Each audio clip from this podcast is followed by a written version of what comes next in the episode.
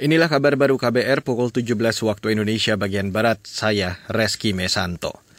Saudara Kejaksaan Tinggi Jawa Timur menjatuhkan dakwaan dengan pasal berlapis terhadap Muhsubi Azal Sani, terdakwa kasus pencabulan dan perkosaan santri.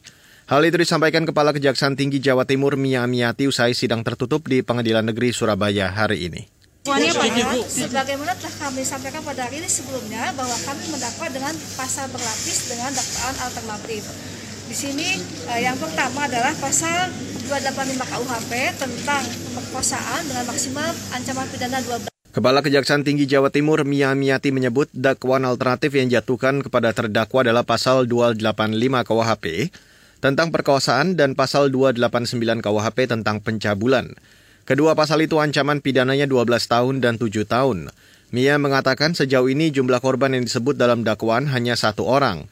MSAT ditetapkan sebagai tersangka pencabulan santri di Pondok Pesantren Sidikiyah, Jombang sejak Oktober 2019 lalu.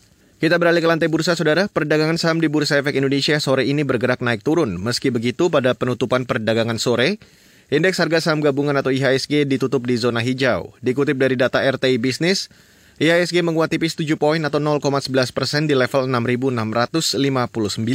Penguatan juga terjadi di bursa utama Asia lainnya, di mana penguatan tertinggi terjadi di indeks Hang Seng Hong Kong yang menguat 2,7 persen.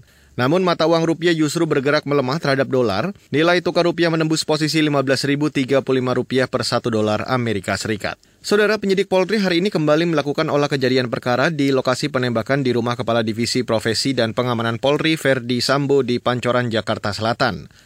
Olah TKP dilakukan dengan memeriksa kamera pengawas CCTV. Sementara itu, hari ini keluarga korban penembakan Brigadir J mendatangi Baris Krim Polri terkait kasus penembakan yang memakan korban jiwa itu. Dikutip dari Antara, tim kuasa hukum keluarga Brigadir J menyebut mereka melaporkan dugaan tindak pidana berupa pembunuhan dan penganiayaan, serta pencurian dan peretasan perangkat elektronik. Kuasa hukum menyertakan bukti berupa foto dan video kondisi luka di tubuh Brigadir J. Dan saudara, demikian kabar baru saya Reski Mesanto.